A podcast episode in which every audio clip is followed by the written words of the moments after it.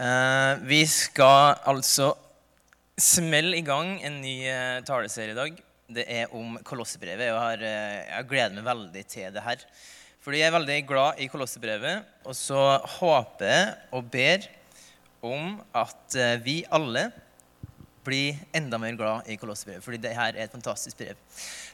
Og så må jeg få lov til å si først at jeg har vært litt sånn her groggy i halsen den siste uka.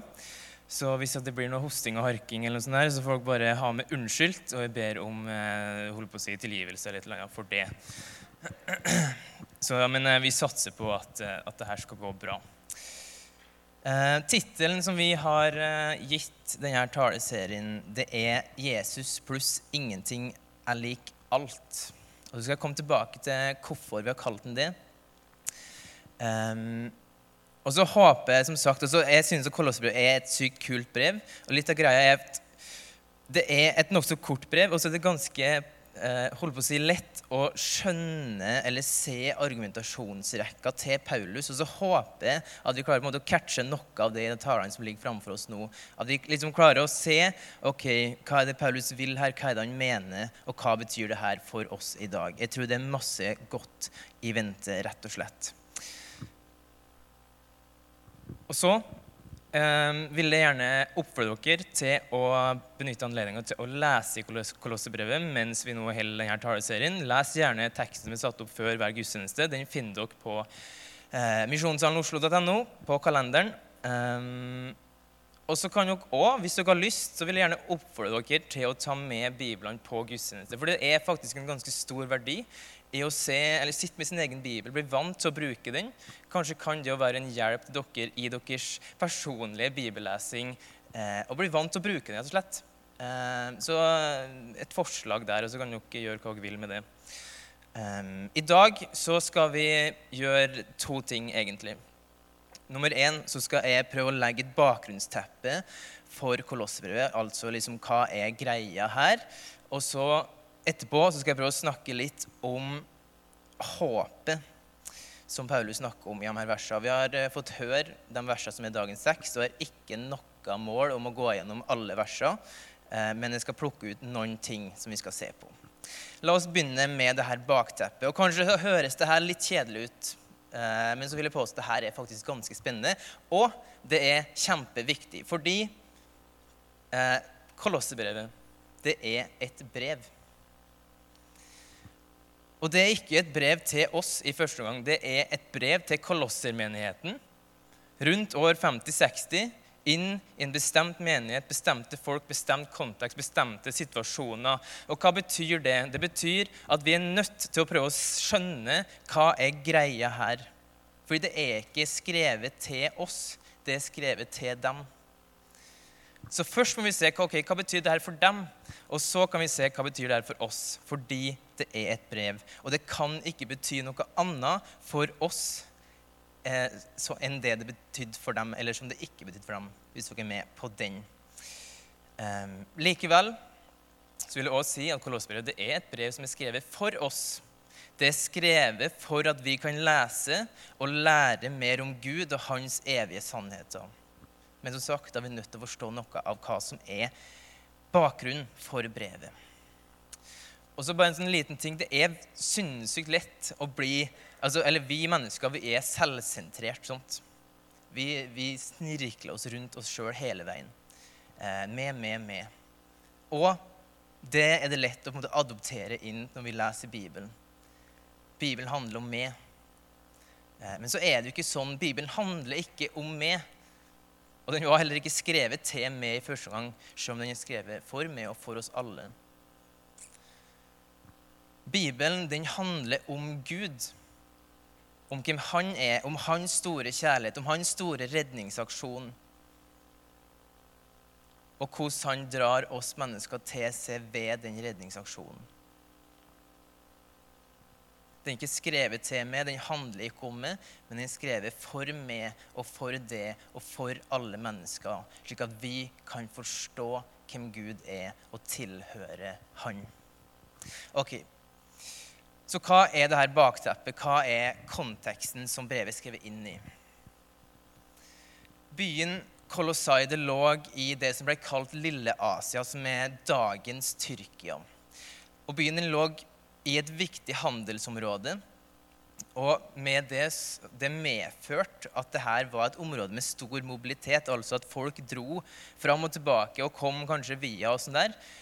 Og det igjen førte til at befolkninga her er ganske, eller var ganske sammensatt. Ulike etnisiteter, ulike bakgrunner. Og det var det samme da òg i menigheten. Men alle de her ulike, eller at det var stor mobilitet, førte òg med seg at kolossermenigheten ble eh, eksponert for en rekke ulike strømninger, om vi kan kalle det det, eller på en måte ulike tankeganger. Sant? Fordi det er folk med ulike bakgrunner som kommer innom, og som har ulike tankemåter. Er dere med på det? Um, og da er vi i sakens kjerne på hvorfor Kolossebrevet er skrevet. Fordi de her ulike strømningene de hadde ført til problemer. Fordi de her strømningene de endte opp med å representere noe annet enn evangeliet. Basically så ble det slik at de her strømningene sa noe sånn som jo da, jo da, evangeliet og Jesus det er fint, ha fortsatt det, liksom, ha Jesus her, men så kan du plusse på litt her og plusse på litt der. og plusse på litt der, Da er du i hvert fall good to go. Vær litt på den sikre sida. Man sper altså på med litt forskjellige ting, plukker litt her og litt der, og så ender det opp med det som gjerne kalles synkretisme, eller da bare en sammenblanding, ei suppe. Og hva er det som skjer når man begynner å blande sammen det her? Plukke litt her, plukke litt der, sette Jesus her og noe annet der. Hva er det som skjer da? Jo, man nedgraderer Jesus. Det førte til at regnestykket ble Jesus pluss noe annet er lik alt. Derfor så er Paulus ekstremt Jesus-fokusert i Kolosserbrevet. Hvor strømninga hadde nedgradert Jesus, svarer Paulus med å oppgradere han igjen til hans rettmessige nivå. For Paulus sitt svar til Jesus pluss noe annet er lik alt, er Jesus pluss ingenting annet er lik alt. Og derfor har vi kalt taleserien for det her. Og så er det sånn Kolossmenigheten altså, de ble utsatt for ulike strømninger. Ytre påvirkninger på mange ulike måter. Og så vi tenker oss om, Kanskje er ikke det så ulikt den situasjonen vi lever i i dag. Fordi vi blir bombardert over alt hvor vi går, over alt hvor vi er. Fra, fra, alt mulig, egentlig, fordi vi har verden for våre føtter. Gjennom mobil så kan jeg få tak i hva som helst. Vi blir påvirka av en hel haug med ulike tankesett og strømninger osv. hver dag uten at vi tenker gjennom det. Fordi det skjer hver gang jeg plukker opp den her, eller hva det skulle være. Og i tillegg til at vi blir påvirka av alt mulig som ikke bare trenger å være negativt, det er ikke det jeg sier, men vi blir påvirka. I tillegg så lever vi i et helt sinnssvakt, individualisert samfunn. Som fører til at jeg kan ha et subjektivt religiøst liv. Det blir som eh, et koldtbord, der jeg kan velge litt her og litt der og litt der. Eh, akkurat som det var egentlig i Kolosser-menigheten. Man sauser ting sammen. Og hva er det vi mister på veien? Jo, det som skjer når, når vi gjør det, er at vi nedgraderer Jesus og budskapet vi sitter med. Så vi må spørre oss hvor er min tro? Hvor er din tro? Hva er det du baserer troa di på? Er Jesus alene svaret ditt? Er det Jesus pluss ingenting er lik alt? Eller er det Jesus pluss noe annet Ok, da er jeg good to go. Da har jeg alt. Hva er det jeg og du lett har, lett for å putte inn i det regnestykket der? Hva er det som gjør at du kan si med trygghet 'er en kristen', eller enda bedre, hva er det du kan, hva er det du, kan, hva er det du, hva er det du har som, si, som, gjør at du kan si 'jeg har alt jeg trenger'? Jeg trenger ikke noe annet. Jeg har alt jeg trenger kan du med trygghet si 'Jeg har Jesus', da har jeg dypest sett alt jeg trenger. Eller trenger du å legge til noe til det regnestykket for å si 'jeg har alt du trenger'? Paulus' sitt svar til kolossmenigheten var Jesus pluss ingenting er lik alt. Og det er svaret hans i dag òg, eh, til oss. Og hvis vi ser i Kolosserbrevet 2, 16-23, Vi skal ikke lese noe, vi skal komme tilbake til det, men der ser vi hva det her noe annet bestod i for menigheten i Kolossai. Her ser man at det er snakk om ulike menneskebud, eller noe i retning av at de tenkte, eller, eller sa Hei, se på meg, da, se hva jeg får til. Eh, det står at man drev med engledyrkelse, med selvfornekting osv. De la til noe som de sjøl gjorde, og det de la til, førte en stolthet i seg sjøl. Og Paulus omtaler det som en selvgjort fromhet. Til syvende og sist så så de på sin egen prestasjon, sine egne gjerninger, når svaret egentlig er Jesus. Og Det her skal vi komme tilbake til i taleserien. Jesus pluss ingenting er lik alt. Um, det er hovedtemaet slik jeg ser det i Kolossebrevet. Og Neste helg så skal Malene tale til oss. Og Da skal vi for alvor se hvor Jesus-fokusert Paulus blir, og at han i møte med noen som har nedgradert Jesus, løfter Jesus opp og viser hvor ufattelig stor Jesus er. Og Da blir jo tanken sånn at Paulus vil vise dere prøver å legge noe til Jesus. Når dere tenkt over hvor utrolig stor Jesus er, han dere tror på, og hvor utrolig noldus det blir å skulle tenke at her må jeg legge noe til. Jesus er nok. Før vi går videre, så skal vi eh, se på en liten ting som egentlig handler litt om bakteppet. I kapittel, ja, kapittel 1 og vers 7 så leser vi om en som het Epafras. Det står det var dette dere fikk lære av vår kjære medarbeider Epafras, som er en trofast Kristi tjener for dere. Kolossermenigheten hadde lært noe av Epafras, og hvem var han? Og Dette er faktisk skikkelig interessant. For Paulus han var ikke den som grunnla kolossermenigheten. Trolig så var aldri Paulus der sjøl. Men det var Epafras som hadde grunnlagt menigheten. Og hvordan gikk det til? Og da er det sånn at Man har god grunn til å tro det at Epafras ble kristen av Paulus sin forkynnelse i Efesus. Eh, som vi kan lese om I apostelgjerninga 19 så var Paulus der i to til tre år, altså i Efesus, for å forkynne. Og så er det nok opplagt at dette var en bevisst strategi av Paulus, fordi Efesus var en svært viktig handelsby der folk kom forbi og dro videre. Så ved å forkynne evangeliet der så visste Paulus at evangeliet vil spre seg fort videre, fordi folk kommer hit, og så reiser de videre. Fordi han kunne sende dem videre med evangeliet. Og Derfor står det i apostelgjerninga 1910 at Paulus dette fortsatte han med i to år, slik at alle som bodde i Asia, fikk høre Herrens ord, både jøder og grekere. Ved at Paulus var der, så spredt evangeliet seg til hele Asia, står det. Og så var det akkurat det her som skjedde med Epafras. Han ble en kristen av Paulus' forkynnelse før han da dro videre med evangeliet, med det han har fått, for å plante en kirke i Kolossai.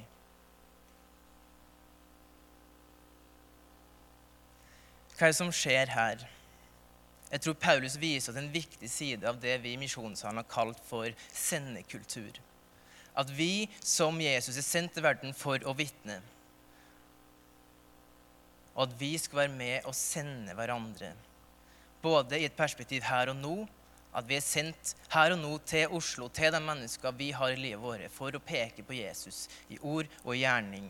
Og i et lengre perspektiv at vi er en menighet som skal være med å utruste folk og sende folk til nye plasser med de beste nyhetene. Om det er å plante en kirke i en bydel i Oslo, eller om det er til en annen plass i Norge, til Nord-Norge eller til Afrika vi er en sendende menighet fordi vi er sendt til verden med en hensikt. at flere skal få høre, at flere skal få se hvem Jesus er. Og Det er det her som, det det her som skjer her ved Paulus og Epafras. Paulus får forkynne og få sendt videre, og evangeliet sprer seg. Flere blir kjent med Jesus. Og hvis det her skal skje,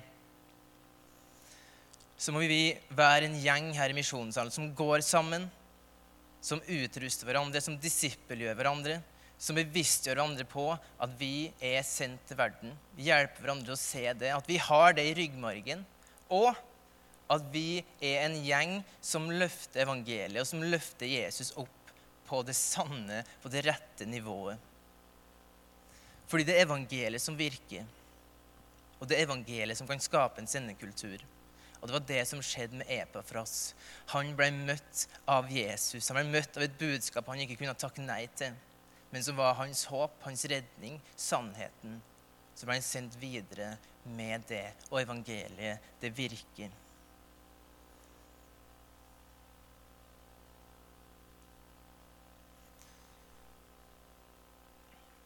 Epafras ble ikke sendt tomhendt videre, men han ble sendt med evangeliet. Og Derfor så skriver Paulus fra vers 5 dere har alt nå fått høre om dette gjennom sannhetens ord, evangeliet, som er kommet til dere. Som i hele verden ellers har evangeliet båret frukt og utbredt seg også hos dere, helt fra den dag dere fikk høre det og lærte Guds sanne nåde å kjenne. Evangeliet virker, og det bar frukt. Og det bar frukt når det kom til Kolossai. Det satt Epafras i bevegelse evangeliet funker. Og det er det her evangeliet vi sitter med her i misjonssalen. Det virker hos oss, og det virker eh, i møte med de menneskene som vi møter. Vi er ikke sendt herifra tomhendt, men vi er sendt med evangeliet, med Guds ord, som virker.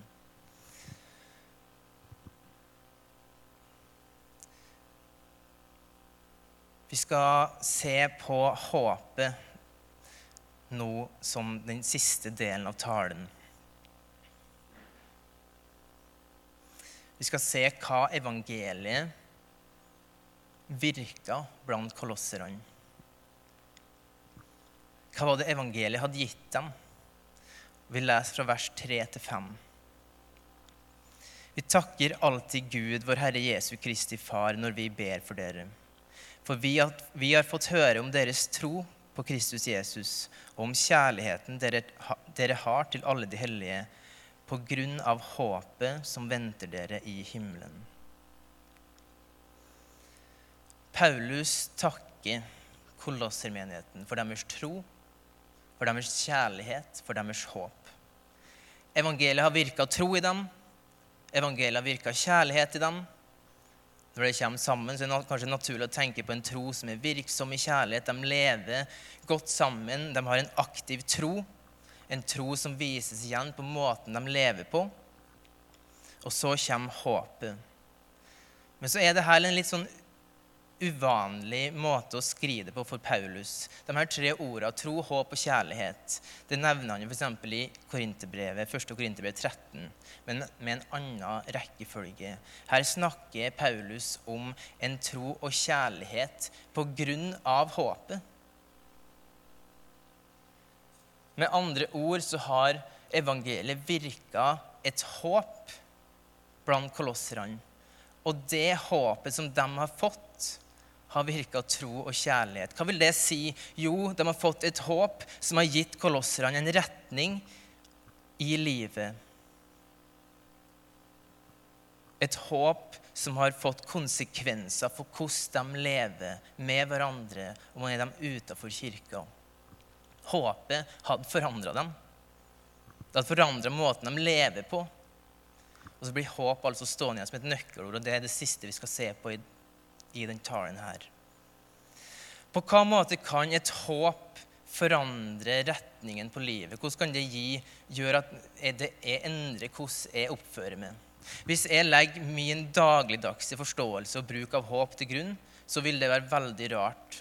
For hvordan forstår jeg og du egentlig håp i dagligtalen. Jeg kan f.eks. si at jeg håper at United vinner mot Crystal Palace i morgen. Men det er ikke, så, det er ikke grunn til å håpe på det med tanke på hvordan United har spilt i det siste. For de har vært sinnssykt dårlige. Eh, og jeg kan si at jeg håper det blir finere vær i morgen enn det værmeldingene tilsier, men jeg har ikke noen grunn til å tro at det faktisk skjer, fordi værvarselet har stort sett rett. Vi bruker ordet håp på en annen måte. Mange ganger om noe som er en, i realiteten er en fjern drøm. Eller i hvert fall noe som er helt uvisst om skjer eller ikke. Og et slikt håp vil ikke få noen konsekvenser for hvordan jeg lever. Om jeg håper, altså jeg gjør ikke noe annet i dag selv om jeg håper at United vinner over Crystal Palace i morgen. Og jeg kanskje finner fram badebuksa hvis jeg håper det blir finere vær enn det er meldt i morgen, men det er liksom dekket på dypet av hvordan, hva valg jeg tar i livet. Men Bibelens håp, det er noe annet. Bibelens håp det beskrives som et trygt og fast anker for sjelen som noe som står fast fordi håpet forankres i Guds løfter og i hans vesen. Det forandres aldri. Hør hva som står i Hebreerbrevet 6, fra vers 18 og utover. Med løfte og ed, to ting som ikke kan forandres, og Gud kan ikke lyve skulle vi ha en mektig trøst, vi som har søkt tilflukt ved å gripe det håpet som ligger foran oss. Dette håpet er et trygt og fast anker for sjelen. Det når innenfor forhenget dit Jesus gikk inn som forløper for oss. Et håp som ikke kan forandres fordi det er forankra i Gud sjøl. Det er et håp som det gir mening at gir retning for livet. Håpet for kolosserne ga dem en retning fordi evangeliet virka. Et håp som venta med himmelen, og det håpet, det forma dem. Det håpet hadde betydning for hvordan de levde, helt konkret. Og når jeg leste det her, så begynte jeg automatisk å tenke på morfar. Et av mine store, store forbilder. Og en som med tydelighet ble forma av håpet som han hadde. Morfar, Hvis jeg skal beskrive morfar, så var ikke morfar en som var opptatt av seg sjøl. Fokuset til morfar det var på alle dem han hadde rundt seg. Det var en god ektemann, det var en god pappa, en god bestefar, en god nabo osv. Og, og det var i gjerning, og det var i ord. Morfar han snakka alt om Jesus. Det virka som han hadde et eller annet som bare bobla over. Hver gang jeg møtte morfar, så var det et eller annet han ville dele med om Jesus. Og det var ikke bare til meg, men det var til alle. Om det var til oss i familien eller hvem det var. På slutten av livet sitt så ble morfar litt dårlig, og de, han og mormor måtte flytte på sykehjem. Eh, og da hadde han en holdning som bare Ja, jeg klarte ikke å forstå det engang. Men da sa morfar men nå er det mitt kall å være her. Jeg er sendt til dette sykehjemmet for å vitne om Jesus. En helt utrolig forbilledlig holdning og tanke.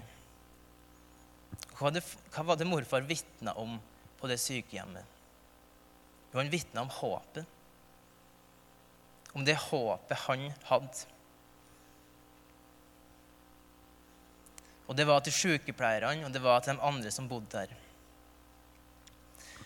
Han vitna om håpet. Og hvorfor det? Jo, det var fordi at håpet var det som satt lengst framme i hodet til morfar. Han visste at han hadde et håp som sto fast. Og han visste at han kunne møte døden med frimodighet. Den var jo snart på vei. Han var en gammel mann. Han kunne møte døden med frimodighet, for han visste at håpet sto fast. Håpet som morfar hadde, det forma han. Det ga han en retning. Det prega han. Og det merka de rundt han, for å si det sånn. Hans brann det var at flere skulle få del i det her håpet som han hadde. Og På dødsleiet så rørte morfar sykepleierne til tårer ved den, roa som han viste i møte med døden. De spurte ham er du ikke redd. Nei, jeg er ikke redd, for jeg vet hvor jeg skal. Jeg har et håp. Jeg vet hvor jeg skal. Det håpet ga morfar en retning. Det håpet forma han. Det håpet gjorde at han levde på, en, på denne måten. Og det håpet er det vi har del i.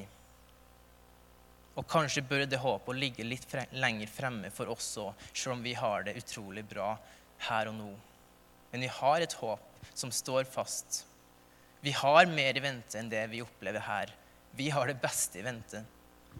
Det er et håp som står fast, og det håpet bør forme oss. At vi har det håpet, er utrolig fint. Det skal, vi har det beste i vente. Samtidig er det en erkjennelse av at alt er ikke som det skal være her og nå. Det er ikke det. Og det opplever vi på ulikt vis. Vi har kalt din talesinn her 'Jesus pluss ingenting er lik alt'. Og hva betyr det? Betyr det at Jesus gir det og med alt i menneskelige øyne, eller i verdens øyne? God helse, rikdom, et lett liv?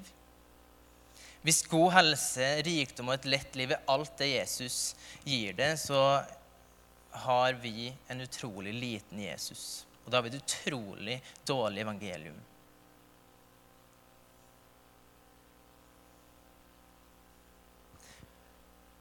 At du følger etter Jesus, at du tror på Han, vil ikke gjøre deg rik.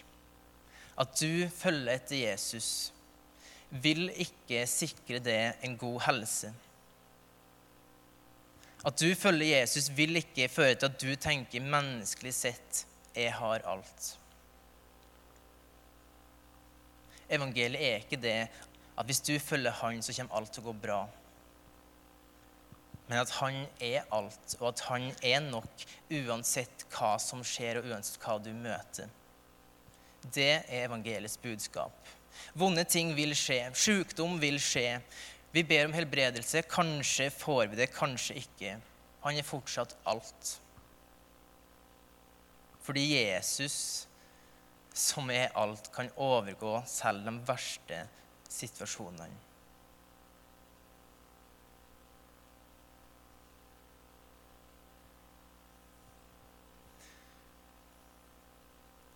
Vi lever i en verden der vi ikke kan si at ja, ja, men det, det kommer jo til å ordne seg. Vi veit ikke det er strengt tatt. Men det vi vet, er at midt i den situasjonen som føles, og som kanskje er håpløs på mange måter, i den situasjonen så er Jesus fortsatt alt. Og vi vet at han går med oss gjennom det. Jeg sier ikke at dette er lett å tenke, men jeg sier at dette det er Bibelens budskap. Og hvis man er i en slik situasjon, så vil det kanskje føles ut som man har ingenting. Men tenk over Paulus sjøl, det livet han levde. Han ble forfulgt, han ble fengsla, nærmest slått til døden. Hør hva han sier i 2. Korinterbrev 6, 9-10. Vi er miskjent, men likevel anerkjent. Vi er døende, men se, vi lever. Vi blir slått, men ikke slått i hjel. Vi sørger, men er alltid glade. Vi er fattige, men gjør mange rike. Vi har ingenting, men eier alt. Vi har ingenting, men eier alt. Jesus gir det ikke rikdom. Jesus gir det ikke et problemfritt liv, men han gir det likevel alt. Her og nå og i evighet, med et håp som står fast om at vi har det beste i vente. Det håpet var det som ble skapt i kolossermenigheten ved evangeliet. Det håpet er det vi har del i. Og det håp skal vi, slik som er på for oss, få lov til å bli sendt ut, ut i verden med. Et håp som overgår alt annet, et håp som står fast fordi Jesus er alltid nok. Fordi Jesus pluss ingenting er lik alt.